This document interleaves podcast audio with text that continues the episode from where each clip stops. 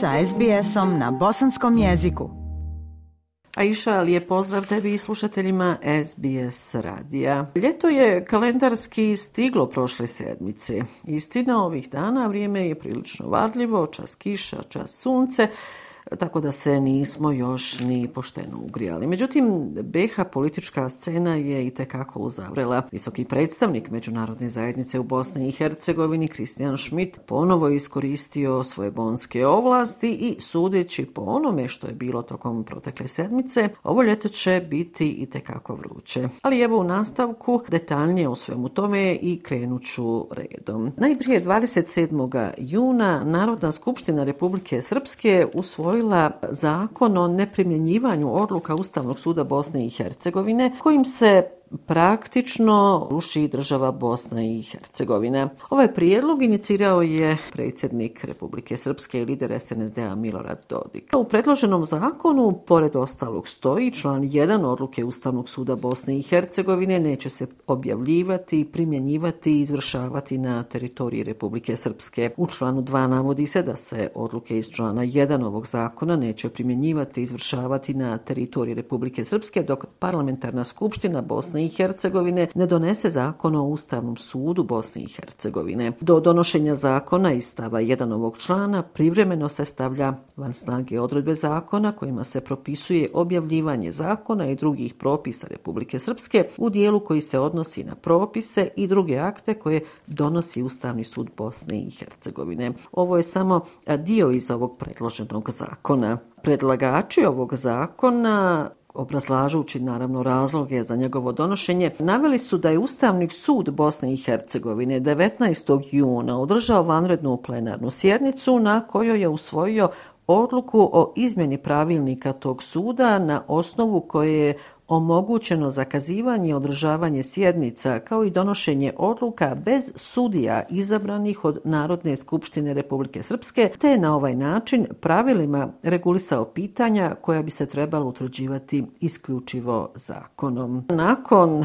usvajanja ovakvog zakona u Narodnoj skupštini Republike Srpske uslijedile su brojne reakcije u Federaciji Bosne i Hercegovine, bosansko-hercegovački političari iz Federacije Bosne i Hercegovine Hercegovine. Zatim zvaničnici Federacije Bosne i Hercegovine tražili su od Kristijana Šmita da reaguje, dakle da poništi ovakav zakon. E sad, u jekove velike političke krize izazvane antidejtonskim djelovanjem vlasti u Republici Srpskoj, u Konjicu je 30. juna održan sastanak lidera stranaka Trojke i delegacija HDZ-a Bosne i Hercegovine i SNSD-a. Približavanja stavova ni nakon tri sata na momente žučne rasprave međutim nije bilo. Predsjednik SNSD-a Milorad Dodik nastavio je slati opasne izjave, posebno kada je u pitanju neustavni zakon kojim Republika Srpska ne priznaje odluke Ustavnog suda Bosne i Hercegovine.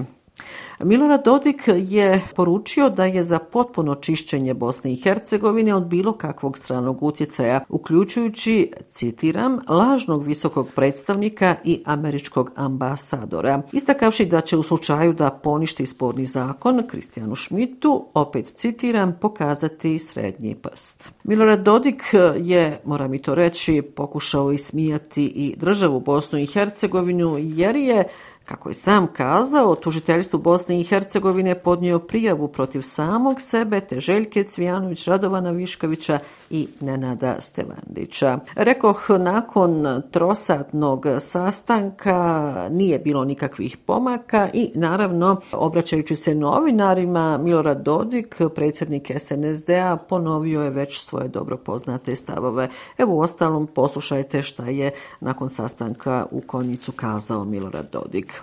Zakon je donešen na bazi odluke Ustavnog suda od 19. ovog mjeseca, prošlog mjeseca, kada je izbacio Srbe iz kvoruma za odlučivanje i očekivali smo od naših kolega da se suprostave tome, a pošto toga nije bilo ustavno i svako drugo pravo, Narodne skupštine da donosi zakone i ona taj zakon je donijela i ona će se boriti za realizaciju i primjenu tog zakona. E, novinarima su se u Konjicu nakon završenog sastanka također obratili e, još neki stranački lideri. Evo izdvojit ću predsjednika SDP-a i premijera Federacije Bosne i Hercegovine Nermina Nikšića. On je potvrdio da su učesnici sastanka ostali na početnim pozicijama jer su predstavnici vlasti iz Republike Srpske odbili staviti van snage sporni zakon o Ustavnom sudu BiH.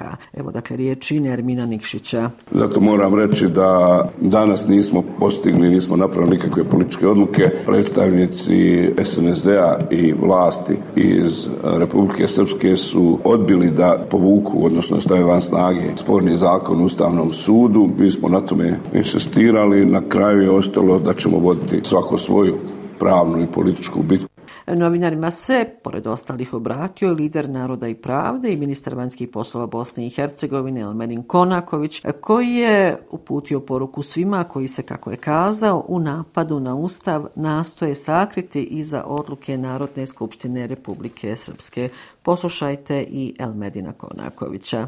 Izjave koje smo gledali ovih dana, pa i danas, u ovom prvom dijelu političkom oko kojeg se ne slažemo, po meni nisu neočekivane, vrlo su očekivane, iako nemaju nikakav racio, nikakvo uporište, nikakvu logiku, Ustav jasno precizira postojanje i način funkcionisanja Ustavnog suda, odabir ljudi koji tamo sjede i način donošenja tog pravilnika na koji su ovih dana bili neki povici iz manjeg BH entiteta RS. Nakon tih eh, silnih peripetija i prozivki, 1. jula se Kristijan Schmidt obratio javnosti, naime održao je vanrednu e, preskonferenciju. On se obratio javnosti u zgradi Ohere u Sarajevu. Prema njegovim riječima, nedavnim odlukama Narodne skupštine Republike Srpske direktno se krši ustavni poredak Bosne i Hercegovine, a samim tim i Dejtonski mirovni sporazum, kazao je Kristijan Schmidt. Ovo je ozbiljan napad na državu Bosnu i Hercegovinu. Ovo je pokušaj da Bosna i Hercegovina postane disfunkcionalna. Moramo institucije vratiti u ustavne okvire. Moja funkcija je da zaštitim i zemlju i građane, kazao je Kristijan Schmidt. Ovom prilikom Kristijan Schmidt je kazao da je iskoristio bonske ovlasti, poništi odluke Narodne skupštine Republike Srpske o nepriznavanju odluka visokog predstavnika i Ustavnog suda na prostoru Republike Srpske. Kristijan Schmidt je također obavijestio javnost da je nametnuo izmjene krivičnog zakona Bosne i Hercegovine. Te izmjene će se odnositi na radnje kojima se narušava ustavni poredak zemlje Bosne i Hercegovine i tretirat će se krivično dijelo, a tužitelji će poduzimati potrebne aktivnosti. Oni koji ugrožavaju ustavni poredak moraju biti procesuirani i oni će snositi posljedice za svoje postupke, poručio je visoki predstavnik Međunarodne zajednice u Bosni i Hercegovini. Evo u nastavku poslušajte dio iz eh, obraćanja Kristijana Šmita. Iz tog razloga sam odlučio da zakon kojim se ukida obaveza objavljivanja odluka visokog predstavnika u službenom glasniku Republike Srpske neće stupiti na snagu, a sva procedura koja se tiče donošenja tog zakona je sada završena. Također sam odlučio da zakon koji je usvojila Narodna skupština Republike Srpske o neprovođenju odluka Ustavnog suda BiH na teritoriji tog entiteta, da taj zakon ne može stupiti na snagu i sa svi zakonodavni postupci za udonošenje ovog zakona su također poništeni, odnosno završeni. S obzirom da smo imali ove nove antidejtonske zakone u Narodnoj skupštini Republike Srpske, odlučio sam da izmijenim krivični zakon Bosne i Hercegovine na način da će se radnje kojima se narušava ustavni poredak zemlje tretirati kao krivično djelo, a te izmjene će osigurati i pravni osnov za tužioce da oni poduzmu aktivnosti. E, klanjanjem Bajram namaza 28. juna označen je dolazak drugog velikog muslimanskog blagdana Kurban Bajrama. Centralna bajramska svečanost održana je u Sarajevu u Gazi Husrev Begovoj džami, a Bajram namaz je predvodio Reisul Ulema Islamske zajednice u Bosni i Hercegovini Husein Efendija Kavazović koji je kasnije održao i hudbu. Reis Kavazović je istakao da će oni koji budu sa vjerom u Boga graditi kuću mira i biti na pravom putu. Poslušajte dio iz obraćanja Reisa Huseina Efendija Kavazovića. Braćo i sestre, u našem vremenu moramo svi ponešto žrtvovati, poput Ibrahima a.s.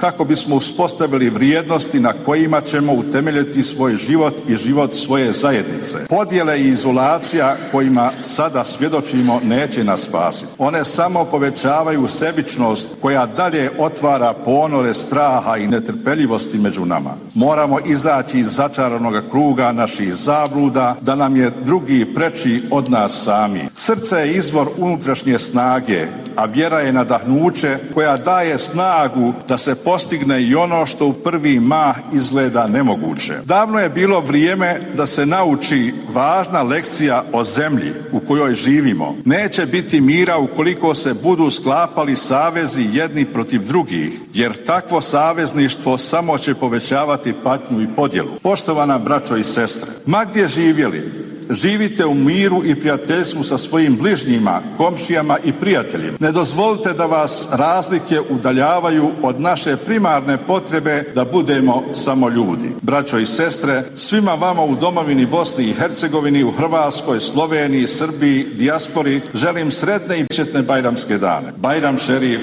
Mubarek Olson. I eto Iša, ovom informacijom završavam ovo sedmično javljanje iz glavnog grada Bosne i Hercegovine. Još jednom vam lijepe pozdrave iz Sarajeva šalje Semra Duranović-Koso. Like, share, comment. Pratite SBS Bosnian na Facebooku.